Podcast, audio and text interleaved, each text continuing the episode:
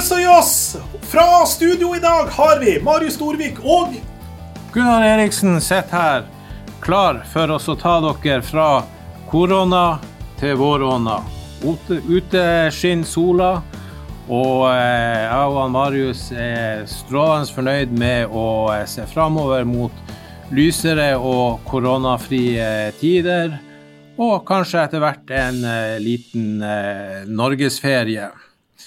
Som vanlig så har vi et eh, lite program å by dere i dag, og hva er det for noe, Marius? Nei, vi skal jo snakke om Marius Dom. Og det er jo da Jeg må jo fortsette med min koronaoppvask. Mm. Og så skal vi et spørsmål, og da skal vi inn på de, på de fine nyansene mellom eh, strafferett og æreskrenkelser og sharia og rettskultur og tredjeparter og, og svake parter og sterkere parter og, og mm. populisme. ja, egentlig skulle vi hatt en uh, gjest også, Bårdsen. Gjest Bårdsen, men han kunne ikke komme. Hvorfor ikke, Marius? Nei, han sleit vel med å få permisjon fra fengselet. Ja, sånn er det. Sånn er det blitt. Korona rammer ulikt. Men jeg tror jeg hoppa rett inn i min, i min dom. Det er jo, for det er jo ganske interessant. for Vi har snakka om korona et par ganger siden det her ble et aktuelt tema. Og nå har vi altså fått den første koronadommen fra Høyesterett. Og det er klart at Den drar opp noen viktige og prinsipielle føringer som jeg tenker at er helt opplagt. Men det er viktig at vi på en måte får snakka om det, at vi får eh, tatt det ut. Jeg prøvde å finne ut hvem er på en måte faktum i saken. Det eneste vi født er at det dreier seg om en fyr som er født i 1999 og sikta for forsøk på drap eller en medvirkning til det her. Akkurat. Med korona? Med korona. Eh, ja, nei ikke, nei, ikke med korona. Ikke med korona. Har, korona var ikke, var ikke drapsmiddelet. Mm. Men det som da skjer, er at før rettsmøtet så anmoder påtalemyndigheten tingretten om at rettsmøtet skal avholdes som et fjernmøte etter koronaforskrifta gitt med hjemmel i koronaloven. Men etter at siktede og forsvareren hadde fått uttalt seg, så motsatte de seg fjernmøte. Men likevel beslutta tingretten at rettsmøtet skulle gjennomføres som fjernmøte. Og Tingrettens beslutning er grunngitt og inntatt i fengslingsmøtet. Ja. Um, og rettsmøtet ble gjennomført da gjennom videolink. Altså, mm. altså, du har en fyr som ønsker å møte dommeren. Du har en dommer som sier det går ikke pga. korona. Og så gjennomføres det, og så ankes denne beslutninga. Den blir da anka til, til, lagmannsretten, og lagmannsretten eh, eh, forkaster anken og viderefører den. Og Så mm. kommer da saken opp til Høyesterett med spørsmålet om dette videomøtet med begrunna i koronaforskrifta, om det fører fram eller ikke. Har vi, har vi, en magefølelse så langt? Oh, jeg har en, eh, jeg har en, eh, en, en magefølelse eh, på det her. Jeg vil tippe at Høyesterett tar også sier Nå er jeg helt ukjent med denne avgjørelsen, ja. men jeg vil tippe Høyesterett sier at lagmanns- og tingretten har, har gjort helt feil, og at de har begrunna det i at det her er snakk om, om uh, viktige prinsipper uh, for, for, rettssikkerhet. At man har altså uh, en rett til å møte sin, sin, dommer ansikt til ansikt. Det er, det er altså imponert over ditt judisium, Gunnar. Det er jo det er liksom litt ut av moroa med det her. Det presenterer en fremmed avgjørelse, så gjetter man på mm. hvor enn vi. La oss, la oss gå inn i grøten. Spørsmålet som er reist i anken, er om tingretten ved førstegangs fengsling kunne beslutte at fjernmøte hjemmel i koronaforskrift paragraf 2, når siktede motsatte dette, ønska fysisk fremstilling i fengslingsmøtet. Tingretten beslutta fjernmøte, lagmannsretten la til grunn at tingretten hadde anledning til det. Etter straffeprosesslovens paragraf 244 første ledd har siktede rett til å være til stede i rettsmøter som avholdes under etterforskninga. Og siktedes rett etter denne bestemmelsen gjelder generelt og omfatter rettsmøter til behandling av begjæring av varetektsfengsling. Det følger videre av straffeprosesslovens paragraf 183 at påtalemyndigheten, når de vil beholde en pågrepet person fengsla, snarest mulig, senest tredje dagen etter pågripelsen, må fremstille han for tingretten på det sted der fremstillinga mest hensiktsmessig kan skje, med begjæring om fengsling. Sånn at vi, måte, vi har noen klare norske rettsregler. Og så er det også fulgt opp i rettspraksis om at denne retten gjelder uavhengig om siktede uttrykkelig har krevd det, men at plikten ikke rekker så langt at siktede må fremstilles mot sin vilje. Forutsatt at sans tilstedeværelse er unødvendig for å avgjøre fengslingsspørsmålet. Sånn at, at, han skal være der, han må ikke dras dit. Men, og her er jo tilfellet det motsatte, at han vil være der, men ikke får lov. Mm. Og det er jo da ikke behandla.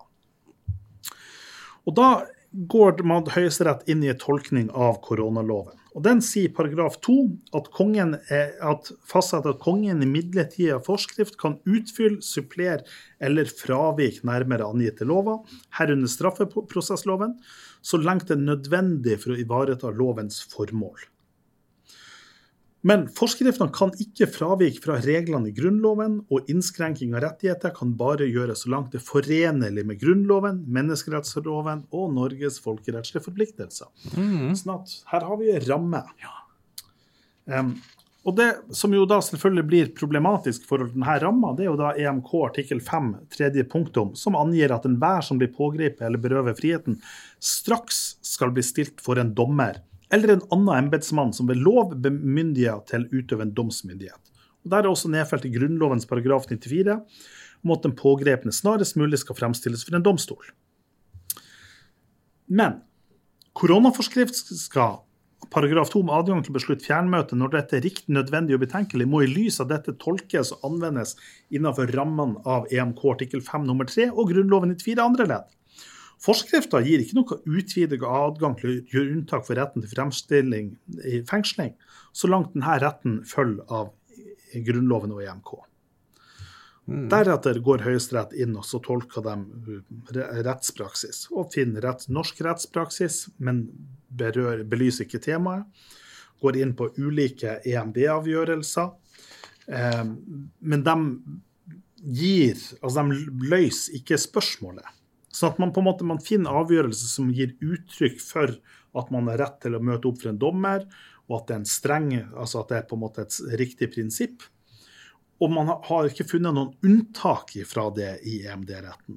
Men det er klart, det at det ikke har blitt gjort noen unntak, gjør ikke at du kan utelukke at unntak finnes. Og Høyesterett sier Rettspraksis fra EMD gir således ikke holdepunkter for at det kan gjøres unntak fra retten til fremstilling, fordi eksemplene for eksempel fordi formålene bak bestemmelsen kan ivaretas på annen måte, som ved et videoformat. Heller ikke juridisk teori har lagt til grunn at det gjelder et sånt unntak fra bestemmelsen. Så i utgangspunktet er vi på en absolutt bestemmelse. Men, men sånn kan det jo ikke være. Det kan jo ikke være sånn at denne bestemmelsen er absolutt. Tingretten og lagmannsretten har vist at det ikke foreligger avgjørelse fra EMD som utelukker fjernmøteteknologi kan benyttes der det nødvendig av smittevernhensyn å avholde fengslingsmøter som. Fraværet av avgjørelser gir imidlertid liten veiledning om rekkevidde av vernet. Og i mangel av avklaring fra EMD må spørsmålet løses basert på en selvstendig tolkning av konvensjonen i lys av formålet og den rettspraksis som foreligger. Ok, Da, da begynner vi å da begynner vi å nærme oss eh, ja, da er det snart eh, belønningens eh, stund, og er spent. Det må bli mer konkret enn det her, Marius. Ja, ja det, må jo, det må jo det. Det må jo det. Skal vi se. Bare finne ut hvor vi skal eh, ja, oppstille et, et, et unntak. Ja, Tingretten sin nødvendighetsvurdering, som lagmannsretten har slutta seg til, er basert på generelle smittevernbetraktninger, uten at muligheten for forebyggende tiltak under det aktuelle rettsmøtet ble vurdert. Det er akkurat her problemet er. Mm. Man sier mm. generelle regler, og så vurderer man ikke unntaket. Og da kommer ankeutvalget sin, sin spiker på, på det, og de sier Ankeutvalget legger til grunn at en forutsetning for å gjøre unntak fra siktedes rett til fremstilling ved førstegangs fengsling etter EMK artikkel 5 nr. 3 må være at retten konkret vurderer om det av smitteverngrunner er uforsvarlig å avholde fengslingsmøte på annen måte enn fjernmøte i den aktuelle saken. Mulige tiltak for å unngå smitterisiko under transport og i rettsmøte må vurderes, bl.a. med utgangspunkt i de retningslinjene som er fastsatt. Noen slik vurdering har verken tingretten eller lagmannsretten gjort. Nettopp. Så da ble bare avgjørelsene oppheva og sendt tilbake. Yes, og ikke bare Ja, Mm. riktig. Um, og så blir spørsmålet men hva, hva betyr det her? For det er jo det som da er interessant her. Ja, aller først så har jo ting- og lagmannsretten gått i sånne klassiske feller og eh, ikke gjort eh, jobben grundig nok, og fått eh, dermed sin avgjørelse oppheva og, og sendt tilbake.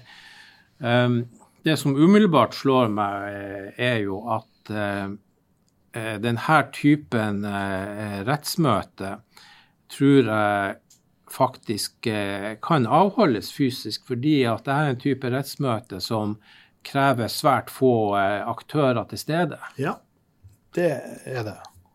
Og eh, da tenker jeg at det har vært nærliggende å, å, å vurdere om det her kunne ha tatt og, eh, og, og, og latt, seg, latt seg gjøre. Men det er klart at for, men påtalemyndigheten og politiet så er det her veldig mye ekstraarbeid.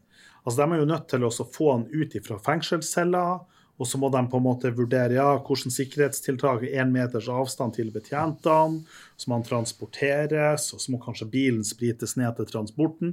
Tenk at dette er mye ekstraarbeid. Så politiet har veldig mange gode grunner for å si at dette er veldig upraktisk. Det er utrolig praktisk. Det gjør politiet sin jobb veldig mye enklere hvis man bare kan gjøre det med et fjernmøte.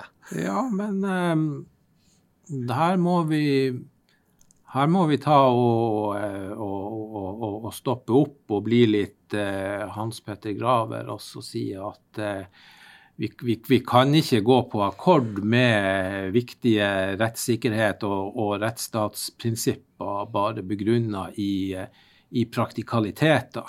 Ja.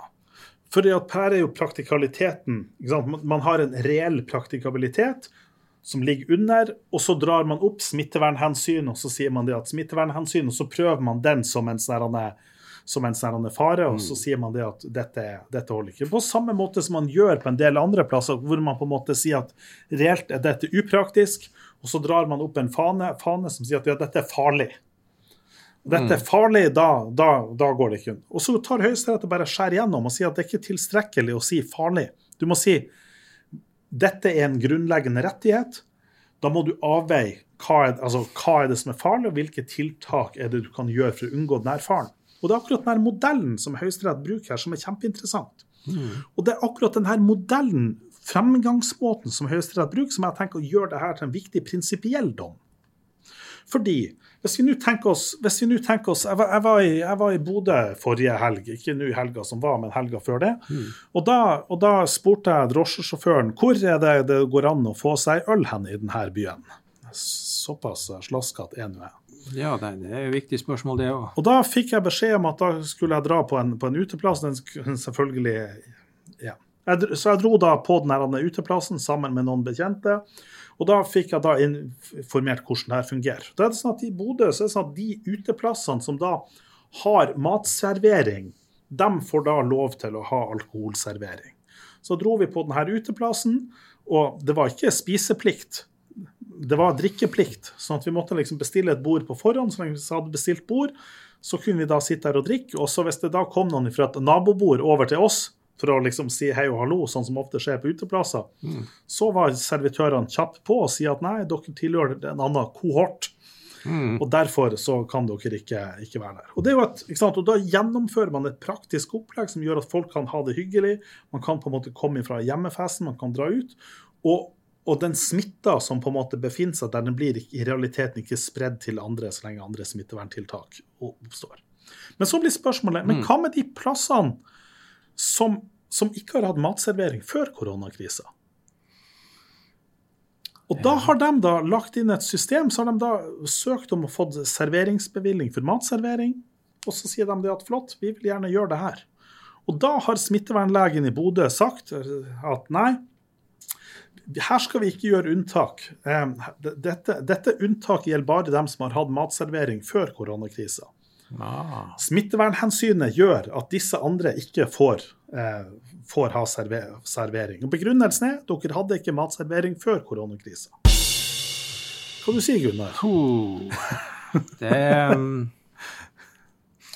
det her, eh, det her eh, begynner jo å blinke litt eh, alarmlampe, så eh, rent umiddelbart så prøver jeg å plassere det her påfunnet etter gullstandarden søringkarantene og hytteforbud. Om hvor langt opp vi kommer på skalaen her. Ja, ja. ja, ja. Det.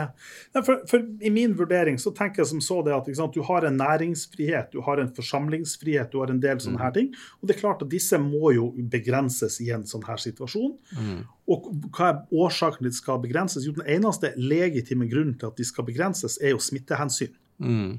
Og det Smittehensynet det er det legitime hensynet. Men så blir det spørsmål hva er det som er den egentlige begrunnelsen her? Jo, det er jo, For meg så framstår det som at smittevernoverlegen ikke har ønska å gå inn og, og foreta den reelle, individuelle vurderinga. Og den begrunnelsen om, at, om at for dem som da har ikke, ikke Ja. har hatt matservering før, det høres ut Ja. som, en, som en uholdbar begrunnelse. Det gjør jo det, og eh, det som jo er det er Metabudskapet i historien din, det er jo at uh, det her utestedet med den her gylne matserveringsbevilgninga, de hadde jo uh, laga til altså gode smitteverntiltak uavhengig mat eller ikke mat. Eh, Riktig. Mat blir jo en helt eh, perifer eh, eh, ting i det her. Poenget må jo være at man eh, opprettholder gode smitteverntiltak. Og Riktig. kommuneoverlegen her, de har jo gått i, eh, har jo også gått i denne fella at eh, det, her vil vi ikke gå inn i. Det er lettere å, å, å bare begrense og, og forby enn også gjøre eh, da konkrete vurderinger av hver enkelt søknad. Det blir for Nemlig. mye jobb. Nemlig Mm. praktikalitetshensyn. Er enklere å la fyren sitte på cella. Ja, ja, ja. Mm. Det høres Så, ut som vi er enige. Det høres ut som vi er enige, men eh, det er jo eh, her, her er det jo eh, en, en hund som lukter litt, og det er jo det at eh, det er jo kanskje litt forskjell på han her stakkaren som sitter på, på, på, på cella, og, og den her eh, stakkaren som vil ha seg en øl i Bodø. Så du mener at mine rettigheter ikke er Du kan si det sånn at eh, tiltalte, eller de som er sikta eller under etterforskning i en straffesak, sine prosessuelle rettigheter har kanskje litt større verdi enn en, en, en, en, gammel bodøværings øltørst. øltørst. Ja. Så um, vi får se om det, om det her får noe etterspill. Men, men det Ja. overordna prinsipielle hensynet her, det er at, det er at flott, vi har, vi, har, vi har en situasjon. Gjennomfør smitteverntiltak, begrens rettighetene, det aksepterer vi. Men foreta en konkret vurdering av smitteverntiltakene. Er dette reelt sett smittevernhensyn, eller er det noe annet? Praktikabilitet. Det holder ikke. Det er det, og, det er jo noe som har gjennomsyra hele norske samfunnet siden 12. mars, at, eh, at det har vært litt eh, tendenser til panikk. Det har vært eh, panikk, pandemi og skulle finne noe tredje på pann, men altså det har, vært litt sånn unntakstilstand, tankegang. Og i en slik sånn unntakstilstandstankegang så, Men du, så er det lett unntakstilstand? ja. så er det lett at eh, anything goes, og eh, man ikke tenker seg godt nok om. Da skal vi gå over til spørsmål. Ja, spørsmål. Hva, hva har våre kritiske og interesserte lytterskar ja. tenkt å utfordre oss med i dag? Ja, før, før jeg, jeg bare kom på Det var å få det tilbakemelding om hva er det mest positive som har skjedd under koronaepidemien. Og det sier de det at på de her bussene, for dem som tar bussen, så er det hvite seter, at du ikke kan sitte noen ved siden av deg på, på bussen. Det fremstilles som det mest positive som har skjedd under hele koronapandemien. Og tenk for vanlige tromsøværinger som vil sitte i fred, på fred og uforstyrra, så skjønner jeg det. Ja, absolutt. Absolutt. Men eh, kanskje det også er et uh, uttrykk for et sykdomstegn i samfunnet. Angst for nærhet. Det er vakkert, Gunnar. Det er vakkert. Spørsmålet er i fare for å tråkke I et minifelt, leser jeg fra spørsmålet, så er det mye snakk i media om vold begrunnet med ære. Enkelte politikere har også tatt til orde for at straffene for dette, altså, æres, altså vold begrunnet med ære, skal være strengere, analogt til organisert kriminalitet. På den andre sida framkommer straffelovens paragraf 271 at kroppskrenkelse kan gjøres straffri dersom den gjengjelder en særlig provoserende ytring. Og Det samme gjelder for grov kroppskrenkelse. Og da blir spørsmålet er ikke det å gjengjelde en særlig provoserende ytring begrunna med nettopp ære? En slik ytring må som regel være om personen sjøl eller nære personer. Det vil formodentlig ikke kun unnskylde å slå til noen som påstår at vaksine er farlig og må avskaffes. Hva er deres analyse av temaet? For å, for å forklare spørsmålet sånn som jeg forstår det.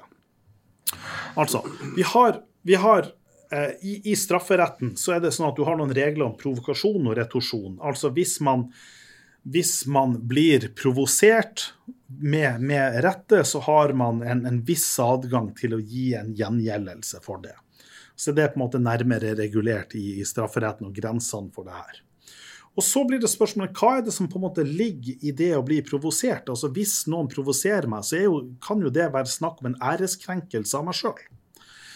Og da vil, vil da innsender si, at denne provokasjonen, så vil man da anerkjenne æreskrenkelsen som en grunn til å, til å bruke fysisk vold. Og så blir spørsmålet men hva er da grunnen til at vi da i norsk rett aksepterer at en æreskrenkelse mot meg sjøl det er på en måte grunnen.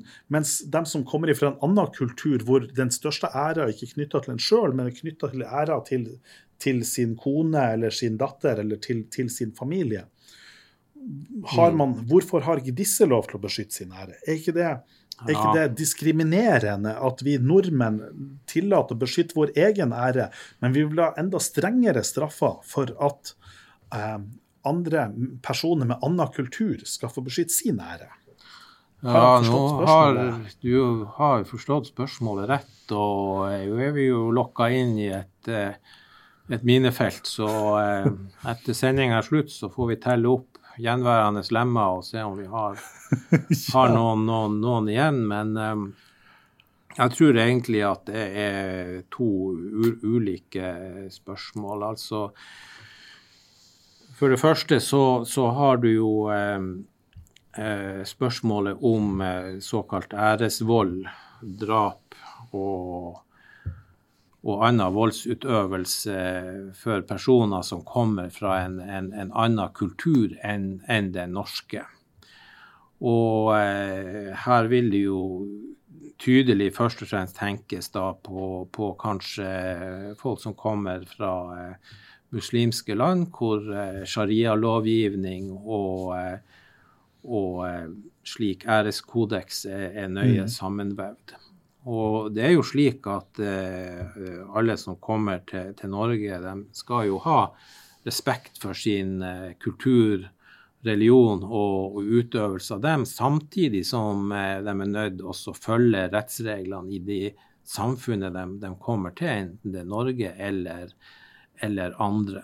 Så det aller første vil jo da være hvis man eh, har ei ulydig datter som eh, vil gifte seg med en upassende person eller har gjort noe annet, og som man tar og dreper dattera si ut fra en æreskodeks fra sin kultur, hvor det er innafor å gjøre, så er det jo soleklart at det her er ikke tillatt å gjøre etter norsk, norsk strafferett. Slik at uh, her vil vi få en mismatch mellom uh, den kulturelle og rettskulturelle konteksten hvis du gjør slikt i, i, Norge. Et annet poeng er jo at ofte så retter slik æresvold seg mot hva vi sier uh, familiemedlemmer som står i et hva vi sier, underordnings- eller i et svakere forhold, gjerne kvinner og, og, og, og barn.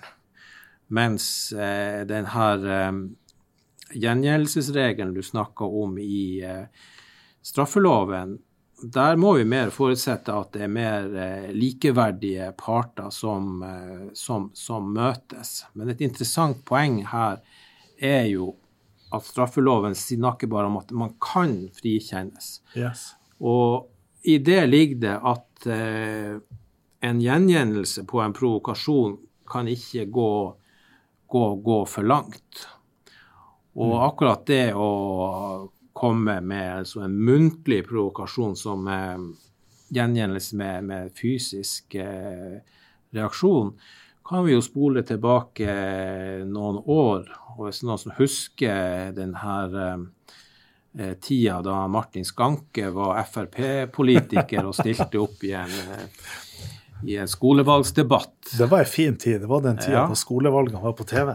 Og eh, da etter debatten så kom han i en sånn eh, ordkrig med Ap-representanten, og han ble så provosert av det Arbeiderpartirepresentanten sa til han, at han svarte med å klappe til han. Jeg skulle til å si vakkert, men, men, men, mm. Men det er jo ikke det. Det er jo mm. det er liksom langt utafor. Langt utafor det, det måten vi har politiske debatter på. Å gjøre det sånn at du har altså politisk meningsutveksling, og greit man kan være uenig og sånt men å slå det vil jo være da en gjengjeldelse som, som, går langt utafor det som er tillatt, og som er, er, er, er straffbart. Og og i, tillegg, til det så er det forskjellen på, at, på noe som skjer på en diskusjon på puben på natta der to personer er full, mm. og på det som skjer i en politisk debatt. Du må på en måte mm. det, det, er noe med, med, settingen her som mm. gjør at, mm. at det, det, blir skjerpa i ja. Skanke, Skanke sitt tilfelle det, det, det, det gjør det. Absolutt. Så um, jeg har en sånn følelse av at uh, i disse provokasjon- og retusjonstilfellene så er det få tilfeller hvor, uh, hvor du har så samsvar at, uh, at, at det, det, det, ikke den enes handling har gått for mm. langt. Ja. Ja, men det som, det som for, for, jeg tenker at det, det så, jeg, jeg, er enig med deg i, i, din analyse, og det er særlig der det punktet om at, om at det her er det jo en tredjepart. Og mm. det man på en måte går utover her, det er jo den, den uskyldige tredjepart. Og at mm. du har en ubalanse i maktforholdet. Og den mm. ubalansen i makt, maktforholdet tilsier at her er du nødt til å gå inn med en beskyttelse. Mm. Og så er det som blir på en måte eh, ikke, ikke, rettslig problematisk. For jeg tenker at rettslig er det, er det, på en måte ikke problematisk men på et eller annet moralsk nivå problematisk, det blir, mm. at, det blir at i den norske rettskulturen har vår æresoppfatning en større grad av beskyttelse enn personer som kommer fra en annen eh, kultur. Mm. For det er klart at, at, realiteten her er jo det at, sånn som jeg da forstår det, at det er snakk om at deres ære blir krenka. Uh, og, da, og da sensurerer vi deres æresfølelse. Og vi sier at ja, vi, vi, kan på en måte forstå at din ære blir krenka, men her sensurerer vi din rett til å gjenopprette din ære. Mm. Uh, og, jeg klar, og, jeg, og, jeg kan på en måte se at det kan oppleves problematisk, uh, men samtidig så tenker jeg at, at her har vi en kollisjon mellom, mellom rettskulturer og, mm. som gjør at, at, her må man på en måte bare skjære igjen. Ja, men uh, man skal ikke bli for god heller, egentlig. For uh, det vi jo står overfor, er jo en, en, en kultur og en rettskultur som, eh, som tar og tillater det vi kan kalle for patriarkalsk eh, mm. rettshåndhevelse. Og, og, vi skal ikke faktisk skru tida så veldig langt tilbake i, i Norge heller, for at det var vanlig i, også her i, i Norge, i den norske kulturen. Eh, det er ikke mer enn 10-20 år siden at, eh, at man fastslo at det ikke var tillatt å, å, å, å slå ungene sine i mm. øyemed. Eh, og det er heller ikke mange år siden hvor begrepet hva vi si, husarrest var, var vanlig. Altså at en familiefar kunne beslutte frihetsberøvelser for sine for sine unger. Det, det var for 20-30 år siden en, en, en ganske sånn selvsagt uh, rett. Er ikke det fortsatt uh, utbredt? Jeg benytter det ikke i mitt eget hjem, men, Nei. jeg har ikke inntrykk av at det er avskaffa. Nei, det, det, det, det iverksatt en undersøkelse på. Det, det, er jo interessant eh, spørsmål, det der. Altså, for det er jo, vil jo da eh, de facto være en, en, en, frihetsberøvelse og sånt. Og så, og så kan vel noen ta oss og si sånt at eh, ja, men altså det har en oppdragende effekt, og den som blir arrestert, har kanskje samtykka i det der, men så er det jo unger, og hva samtykkekompetanse har, har, har, har dem, da. Så eh. Men altså, jeg, jeg, tror at husarrest ikke er et, egentlig et rettslig problem. Men det tror jeg ikke handler om det rettslige problemet, men jeg tror det handler om det at moderne foreldre de vil jo heller gå til det motsatte hus, husarrest. De vil si det at nei, nå har du ikke oppført deg ordentlig, nå må du dra ut og leke. Mm, ja. Jo, det um, I vårt uh, digitaliserte samfunn så uh, kan nok det oppfattes som en um, Større pønale. Ja. Ja. Eller ei annerledes uh, erfaring. Ja ja, den tingen er jo Føles det som straff, eller gjør det ikke det? Men Gunnar, vi må komme oss over på din dom. Ja. Jeg, jeg, sitter her og er spent. Du kom med et stikkord i stad, og stikkordet var 'vårånda'. Eh, ja. Er, det, er, det, er det dekkende? Jo, eh, dekkende og, og, og, og dekkende. Eh, I vårånda og eh, i våren så ligger jo det ofte at man er ute i sola og man blir utsatt for eh, skarp vårluft. og man kan bli, eh, bli forkjølt. Og å være forkjølt, eh, det er ikke en status som er særlig ettertrakta i disse, disse, tider. Men det var ganske far out. Min dom handler egentlig om prinsippet om at lufta er for alle. Og i det så ligger det jo flere interessante spørsmål. Det er jo da eh, at lufta er for alle. Det er jo noe som eh, kan vi si, en rettsoppfatning som relativt små unger greier å, å beherske. Og eh, hadde ikke lufta vært for alle, så ville vi ikke vi kunne puste og sånt. Eh, at eh, vi har kommet inn på noen andres eiendom og sier nei, jeg kan ikke puste luften, på det er du som eier den det er satt altfor mye på spissen. Men, men, spørsmålet er jo da om kan man fritt eh, bruke lufta over sin eiendom? Og i selve eiendomsbegrepet så ligger jo det at man har eh, kan vi si en eh, eiendoms- eller eh, utnyttelsesrett til luftrommet over eh, sin eiendom.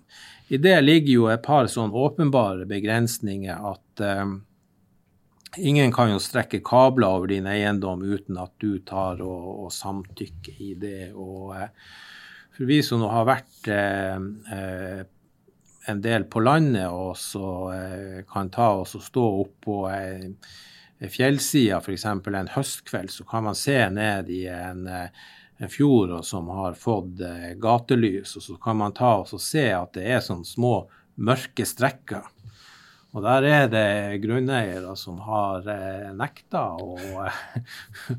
at det skulle være stolper for å eh, framføre gatelys. Rett og slett. De har en kompetanse til å, å nekte, nekte det. Men disse spørsmålene om luftrommet kan jo arte seg på mange måter. I en gammel dom så eh, var det spørsmålet om en, en byggekran der motvektsarmen svingte inn over en eiendom. Og der eh, Høyst midlertidig?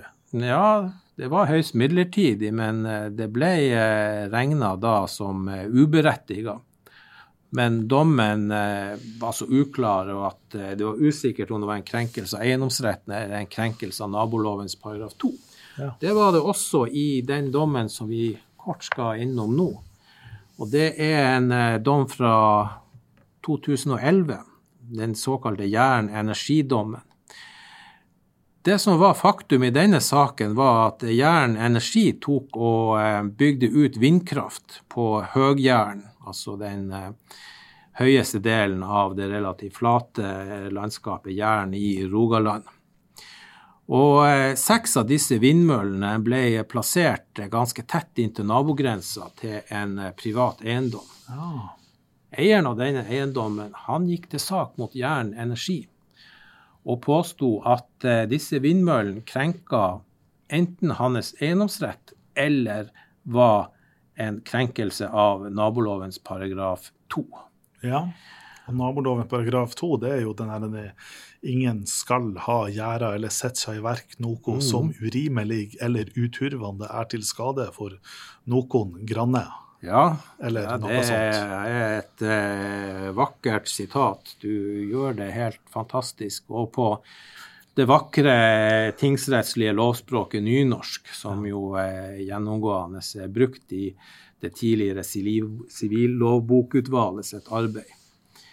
Men eh, vår mann her, han eh, påsto da, hans hovedpåstand var at eh, disse vindmøllene til Jæren Energi de vanskeliggjorde at han sjøl kunne produsere vindkraft på sin eiendom. Og derfor var det en krenkelse av eiendomsretten hans til lufta.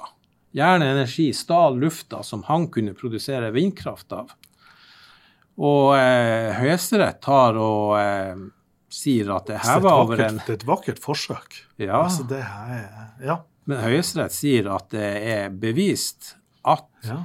eh, Jern Energi sine vindmøller skaper i produksjon av energi eh, turbulens som gjør at eh, den eh, lufta som kommer inn over hans eiendom, ikke er brukende. ja. Men Høyesterett er jo en eh, Vår høyesterett er jo da en, en, en praktisk, pragmatisk eh, domstol, eh, tross alt. Og eh, de sier at eh, det er ingen realisme i at han kunne ta oss og eh, etablere noe vindkraftverk på sin eiendom. Han ville for det første ikke få konsesjon, fordi det allerede var etablert eh, vindmøllepark på naboen. Det er jo et dårlig argument. Ja. Nei, men eh, det anses som å være helt urealistisk for han å starte opp med noe vindkraftproduksjon. Så dette avfeies eh, Ja. ganske enkelt. Og det drøftes både i lys av eiendomsretten og av nabolovens paragraf 2. Men akkurat, akkurat det er jo et interessant, fordi det er jo en sant, når, jeg, når jeg treffer folk, og når folk kommer til å si 'Marius, du som er jurist, nå skal du høre', og så kommer det et eller annet spørsmål, og så kan man på en måte komme tak i den der typen argumentasjon som man har der. Og det, jo, og, sant, og det er jo et reelt argument at vind, altså at hans eiendom blir ubrukelig. Men, men det her er jo det trekket som Høyesterett gjør. altså Høyesterett bare skjærer gjennom. Mm. Og, det, og jeg syns at det er, et, det, er et, Ja. det er et dels fornuftig trekk, altså. Det, Det er det, og eh, Høyesterett kjører jo bare videre med nabolovens paragraf 2, altså at det enten må være unødvendig eller urimelig for han. Og eh, unødvendig, sier han, det er det ikke. Det her er samfunnsnyttig og er på ingen måte unødvendig. Og så er det spørsmål om det er urimelig, og at det er en påfører han ulemper. Og da prøver han seg på to ting. For det første så sier han da at eh, vindmøllen skaper støy. ja. Og til det sier eh, Høyesterett at eh, i sånne støysaker så er det jo snakk om desibel. Ja. Og vi har jo da slike miljøkvalitetsnormer som ja. vi opererer med. Og støyen fra disse vindmøllene den var akkurat i grenseland for hva eh, som er akseptabelt. Men eh, Høyesterett, som igjen pragmatisk, den sier det her er et ubebygd område på Høgjæren uten bebyggelse i stor, langt, milevis unna. Slik at eh, denne støyen plager ingen, Nei. sier man. Og, eh, og det neste han forsøker seg med, er at det er en sikkerhetsrisiko. Fordi at eh, det har vært et problem med slike vindmøller at de iser. Og at du kan få iskast som eh, vinden da tar og kaster inn på naboeiendommen. Og det vises også til et tilfelle fra Tyskland hvor et slikt vindmølleblad, som på de mest moderne møllene kan faktisk dekke en hel fotballbane, et vindmølleblad løsna og havna 200 meter inn på naboeiendommen. Sto i eh, bakken der eh, så det smalt. Men også her er Høyesterett pragmatisk. De sier det her er et øde, ubebygd område. og det er lite ferdsel i det her, slik at eh, risikoen for at eh, noen skal få eh, isklump i hodet fra vindmølla eller bli giljotinert av et mm. dettende vindmølleblad, er urealistisk. Til det siste sier de at det her er møller av siste, nyeste teknologi, mm. og sikkerheten er svært stor med dem. og ja. Det ender med at alle anførslene til han her karen det tar og å falle så, som, som døde fugler til bakken. Og angående det siste, så var det også en detalj der at eh, på, han, på, eiendommen til han karen som klaga, der var det et hekkeområde for eh, myrrødsnipa. En rødliste, en, en rødlisteart.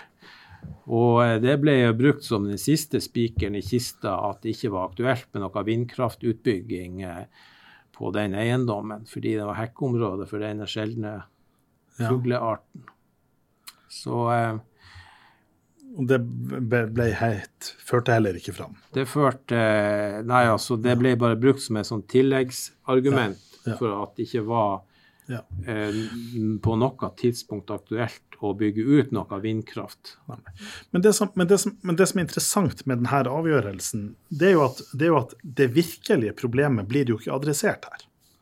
For det mm. virkelige underliggende problemet her, det er, jo at, det er jo at når man har en eiendom, så ønsker en at lufta skal være fri for alle. Jeg ønsker at jeg skal kunne se Altså, jeg ønsker min mm. utsikt i fred. Mm. Problemet med vindmøller, alle de her tingene som, som, blir dratt fram her, det er jo bare de vikarierende momentene. Mm. Det reelle problemet er at den har en eiendom, og denne eiendommen har en utsikt. Og den utsikten har en verdi. Mm. Og, og, den verdien er ikke nødvendigvis en krone- og øreverdi, men det dreier seg om en Det, det kan ha en krone- og øreverdi opplagt, men, ja, ja. men og disse, og disse, inngrepene, disse vindmøllene, de griper inn i en annen sin eiendomsrett. Den senker verdien på den eiendomsretten, mm. senker mm. bruksverdien på den eiendomsretten.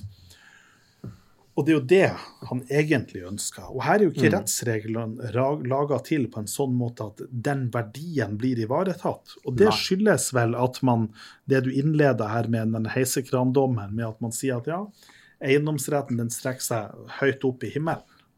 Det er klart, Dersom man på en måte kunne ha begrensa eiendomsretten og sagt at ja, eiendomsretten strekker seg bare ti meter opp i lufta, og at over ti meter opp i lufta så er det allmennheten eller et eller annet sånt, så vil man jo kunne hatt et sånn type argument. Jo, jo. Ehm, det er jo en slik, eh, en slik eh, regel også, både for luft og undergrunn, at man, eh, man eier bare så langt opp i lufta og så langt ned i grunnen som det er realistisk å, å, å utnytte undergrunn eller, eller, eller luft, luftrommet. Slik at den eiendomsrettslige sida er, er, jo eh, for så vidt grei. Men det du egentlig adresserer her, eh, det er jo det miljørettslige perspektivet. Og vi mm. har jo hatt vindkraftutbygging her i Tromsø ute på Kvaløya som har møtt eh, enorm eh, motstand. Fordi at man, eh, man tar også beslaglegg og gjør inngrep i store områder urørt natur. Nemlig. Og mye større områder enn bare de kvadratmeterne som vindmøller tar. Ja, rett og slett. Og det er jo en dimensjon med det her at eh, vindkraftutbygging begynte på kontinentet og at du har vindmøller på eh, f.eks. En, eh, en, en, en, en, ås eh, i Nord-Finland og sånt, det blir jo bare et variasjon i kanskje et veldig ensformig landskap, mens med fare for å være sjåvinistisk, så kan vi si er naturverdiene som vi har her i Norge, og særlig Nord-Norge, de er så uendelig mye større enn på mange av de andre plassene som man har vindkraftutbygging. Og det blir jo og det blir jo ikke adressert i denne, i denne dommen. Her kunne man på en måte sett for seg at, at dette var urimelig mm. eh, fordi at det på en måte tar Altså mm. at det tar utsikten, og at det er så, så støtende. Mm. Men samtidig så må man se for seg det at det må jo domstolen legge til grunn at det er blitt behandla i konsesjonsplanene mm. og i de kommunale reguleringsplanene, og at de kommunale politikerne som har tillatt det, at man på en måte her har hatt en forsvarlig vurdering. Ja. Det er jo det som på en måte er ja. Og det som var framme i den dommen, som jeg ikke har heller nevnt, og som er også litt Eh, av clouet med, med denne eh, Raufjell-utbygginga på Kvaløya her, det er jo argumentet om det her var ventelig. Altså om det her var noe som man kunne være forberedt på ble slik det ble. Og, og det er jo da et tydelig trekk at, at den um, utbygginga på Kvaløya, det, det, det, ble noe helt annet enn man kunne forestille seg. Mm. Og samme argumentet ble prøvd i denne jern-energisaken, for jern og også høgjern er jo også et, eh, et naturområde med, med, store verdier. Men her tar bare Høyesterett og dreper det argumentet raskt med å si at eh, vindkraftutbygging var et samfunnsnyttig tiltak. Mm. I 2011 så var det et, eh, en, en såkalt no-brainer at det her var samfunnsnyttig. Mm å kunne ta og produsere det som var fornybar og i prinsippet miljøvennlig kraft, uten at man tok oss og så på naturinngrepene. Ja. Så spørsmålet er Er dette endra? Ville det ubetinga blitt eh, det samme i dag? Det er klart, Nå får, får vi jo inn den der høyesterettsavgjørelsen skal vi behandle i ple, ple, plenum Grunnloven mm. 112, mm. miljøbestemmelsen. og det er klart, Da vil vi jo kanskje få noen føringer der, hvor langt det strekker seg, og sånn, og mm.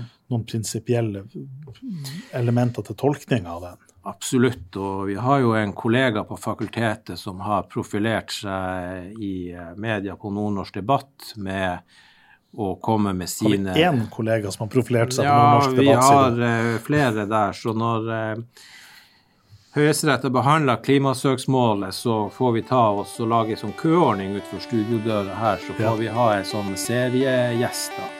Eller så får vi lage en debatt ja. om, om det. En Joss-debatt? Nei. Ja, du får uh, ta oss og la debattantene stå for jussen, og så har vi smekket inn litt joss iblant. Det var det vi hadde fra Juss og Joss. Takk for at dere hørte på oss. Ha en eh, god vår. Vi kommer tilbake med en episode til før sommeren. Det gjør vi. Blir ikke kvitt oss eller smitteverntiltakene med det første. Ha det godt. Ha det bra. Podkasten Juss og Joss produseres i samarbeid med Result på Universitetet i Tromsø.